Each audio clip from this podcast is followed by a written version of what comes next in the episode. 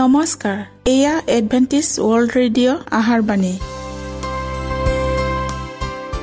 ষোল্ল মিটাৰ বেণ্ডত সোতৰ হাজাৰ আঠশ দহ কিলোহজত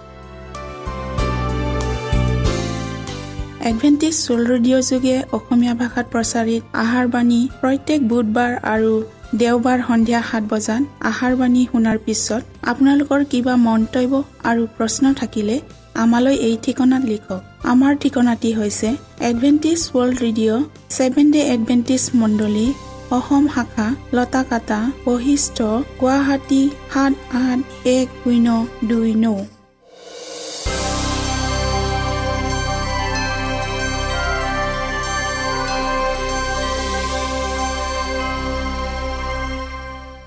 প্ৰিয় শ্ৰোতা বন্ধুসকল এতিয়া শুনো আহক এটি খ্ৰীষ্টীয় ধৰ্মীয় গীত।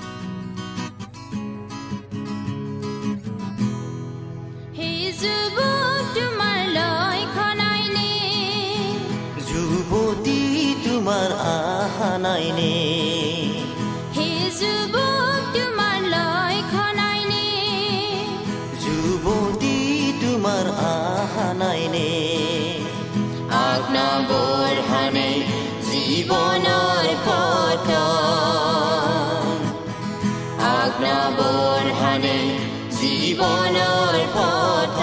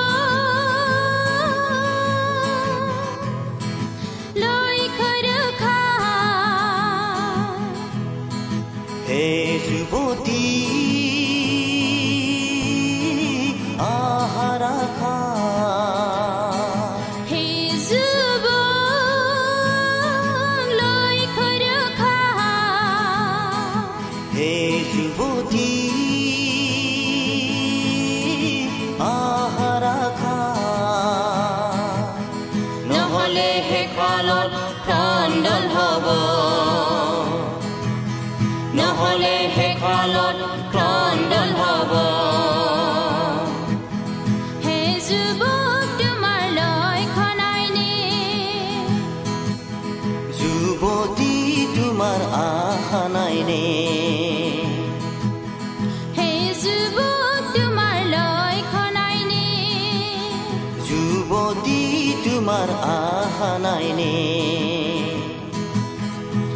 নামৰহানে জীৱনৰ পট আগ্ৰাবৰহানে জীৱনৰ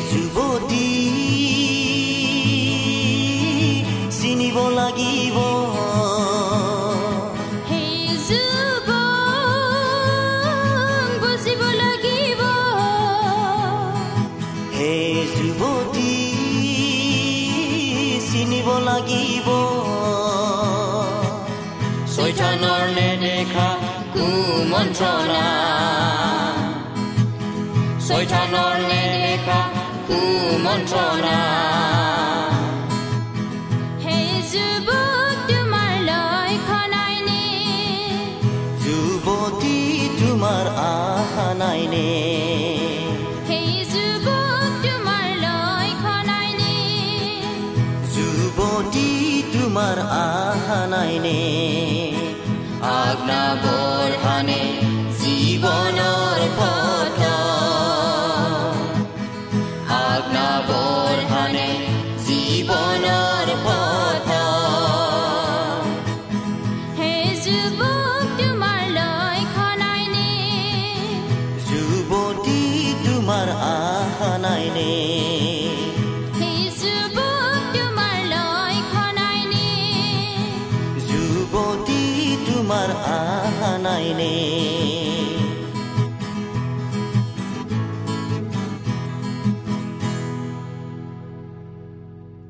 প্ৰিয় শ্ৰোতা বন্ধুসকল আহক আমি খন্তেক সময় বাইবেল অধ্যয়ন কৰোঁ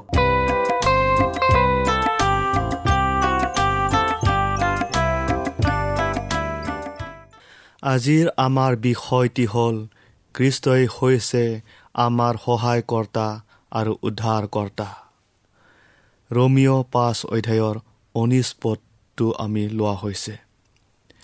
কিয়নো এজন মানুহৰ আজ্ঞা লংঘনৰ দ্বাৰাই যেনেকৈ অনেকক পাপী কৰা হ'ল তেনেকৈ এজনাৰ দ্বাৰাই অনেকক ধাৰ্মিক কৰা হ'ল। আমি প্ৰাৰ্থনা কৰি লওঁ হওক সেই অনুগ্ৰহৰ দাতা প্ৰ- প্ৰভু তোমাৰ অনুগ্ৰহৰ দ্বাৰা এই সুন্দৰ আবেলিত আমি আকৌ লগ পালোঁ।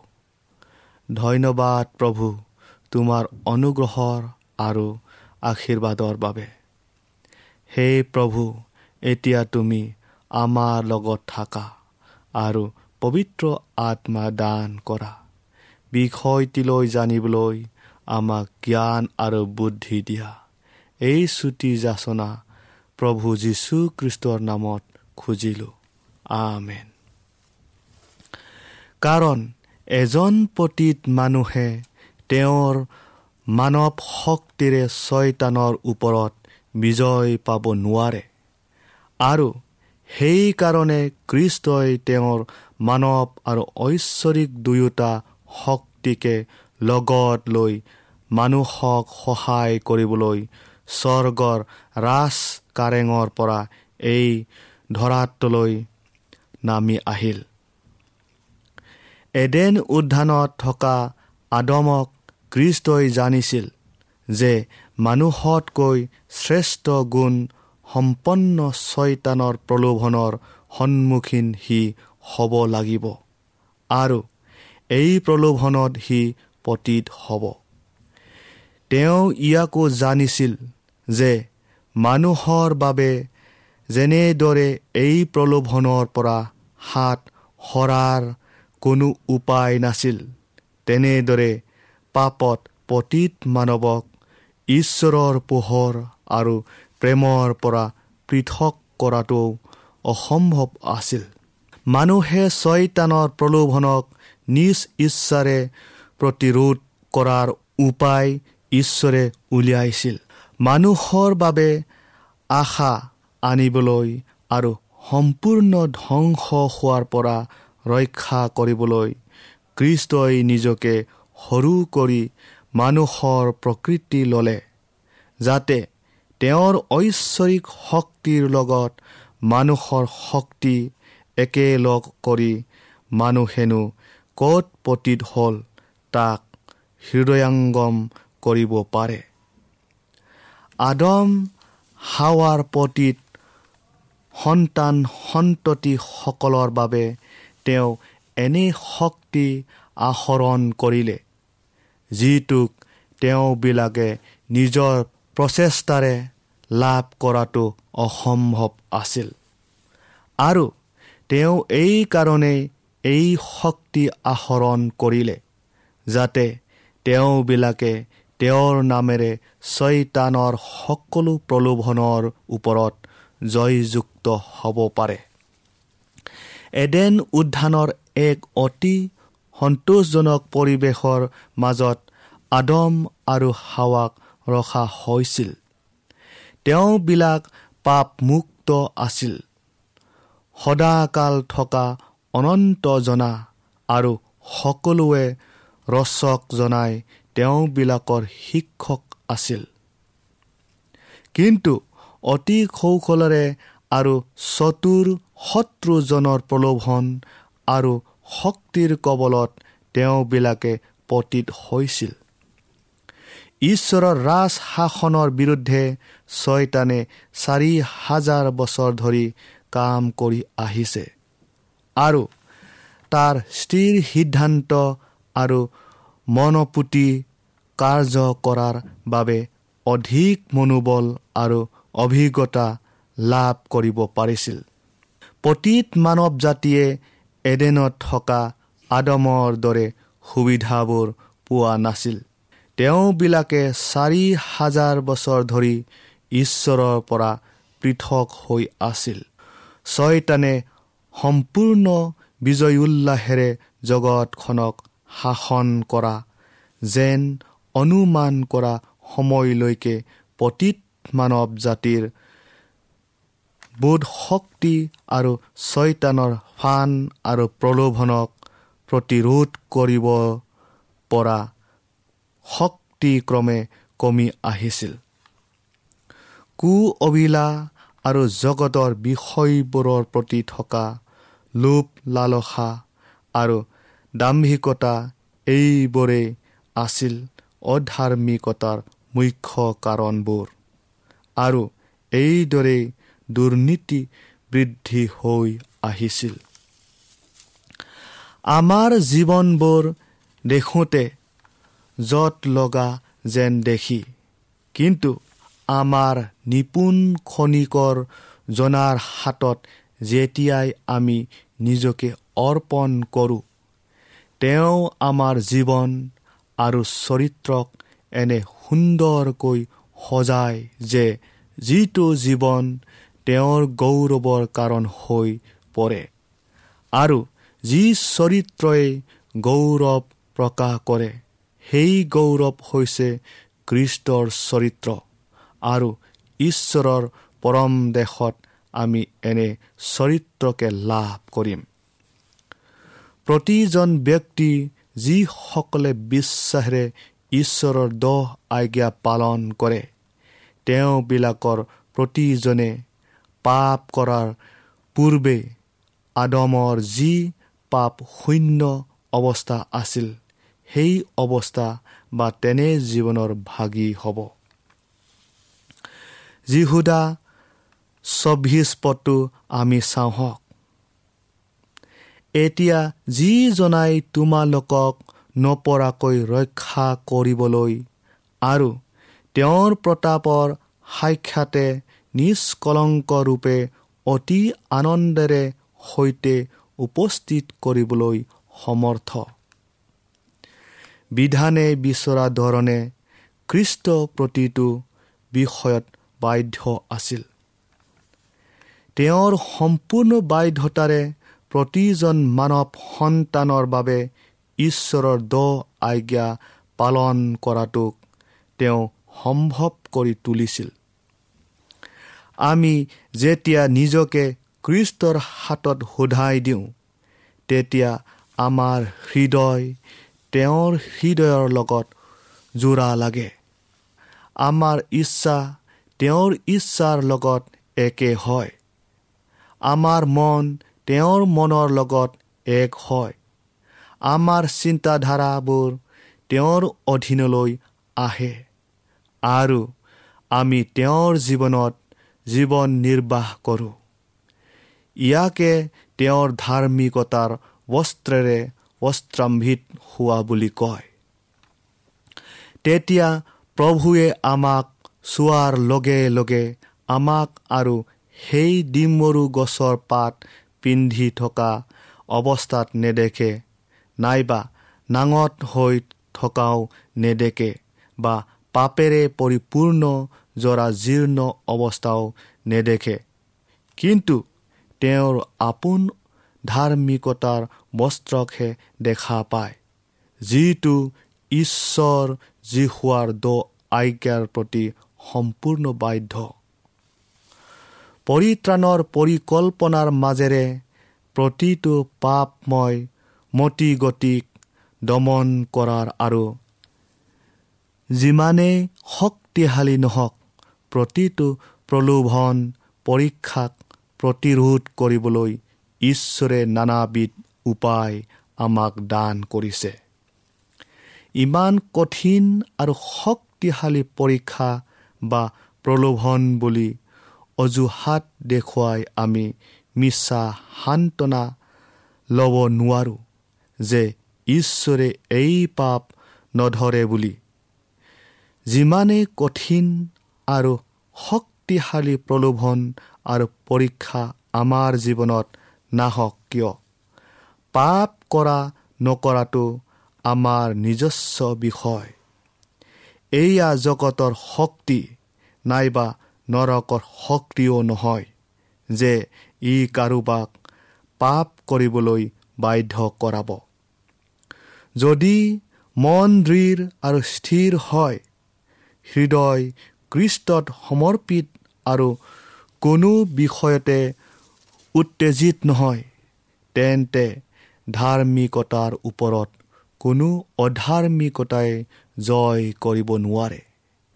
প্ৰিয় শ্ৰোতা বন্ধুসকল আপুনি যদি শান্তিৰ ৰাজকুমাৰ ইমানুৱেলৰ ৰক্তৰ চিহ্ন থকা ধ্বজাৰ তলত থিয় হৈ আছে তেওঁৰ কাৰ্যবোৰ বিশ্বাসেৰে পালন কৰি আছে তেন্তে আপুনি কোনো প্ৰলোভন আৰু পৰীক্ষাতে পতীত নহ'ব। কাৰণ এনে এজন লোক আপোনাৰ কাষত থিয় হৈ আছে যিজনে আপোনাক নপৰাকৈ ৰাখিবলৈ সমৰ্থ। আমি কোনো এটা পাপময় প্ৰবৃত্তিকে ধৰি ৰখা অনুচিত। প্ৰিয় শ্ৰোতা বন্ধুসকল আমি যেতিয়া ঐশ্বৰিক প্ৰকৃতিক লাভ কৰোঁ তেতিয়া বংশগত চৰিত্ৰ আৰু অপকাৰ্য কৰিবলৈ আগবঢ়া প্ৰৱণতাবোৰ আমাৰ চৰিত্ৰৰ পৰা আঁতৰি যায় আৰু মংগল কাৰ্য কৰিব পৰা এক জীৱন্ত শক্তিৰে আমাক গঠন কৰা হয়। ঐশ্বৰিক শিক্ষকজনাৰ লগত সদাকাল শিকি তেওঁৰ প্ৰকৃতিক দৈনন্দিন গ্ৰহণ কৰি ছয়তানৰ আটাই প্ৰলোভন জয় কৰাত আমি ঈশ্বৰৰ সৈতে সহযোগ কৰোঁ। যেনেকৈ কৃষ্ট আৰু ঈশ্বৰৰ এক তেনেকৈ ঈশ্বৰৰ কাৰ্য আৰু মানুহৰ কাৰ্যক মানুহে কৃষ্টৰ এক কৰিব পাৰে। তেতিয়া স্বৰ্গীয় ঠাইবোৰত আমি সকলোৱে একেলগে কৃষ্টৰ লগত থাকিবলৈ পাওঁ।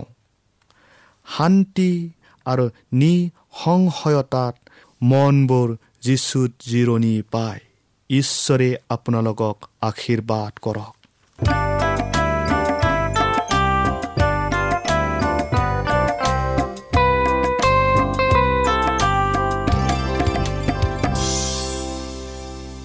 ইমানপৰে আমি বাইবেল অধ্যয়ন কৰিলোঁ। এতিয়া আকৌ শুনো আহক এটি খ্ৰীষ্টীয় ধৰ্মীয় গীত।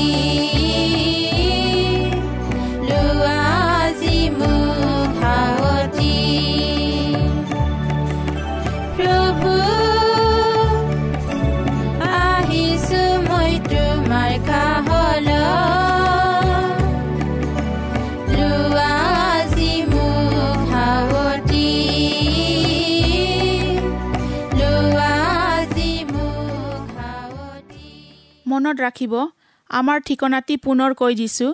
Adventist World Radio' Assam Region of Seven Day Adventist Voice of Hope Latakata Basistha Guwahati seven eight one zero' two nine প্ৰিয় শ্ৰোতা বন্ধুসকল এডভেণ্টিজ ৱৰ্ল্ড ৰেডিঅ' যোগে আহাৰবাণী প্ৰচাৰত আপোনালোকক পুনৰ লগ পোৱাৰ আহাৰে আজিলৈ সামৰিলোঁ। ধন্যবাদ।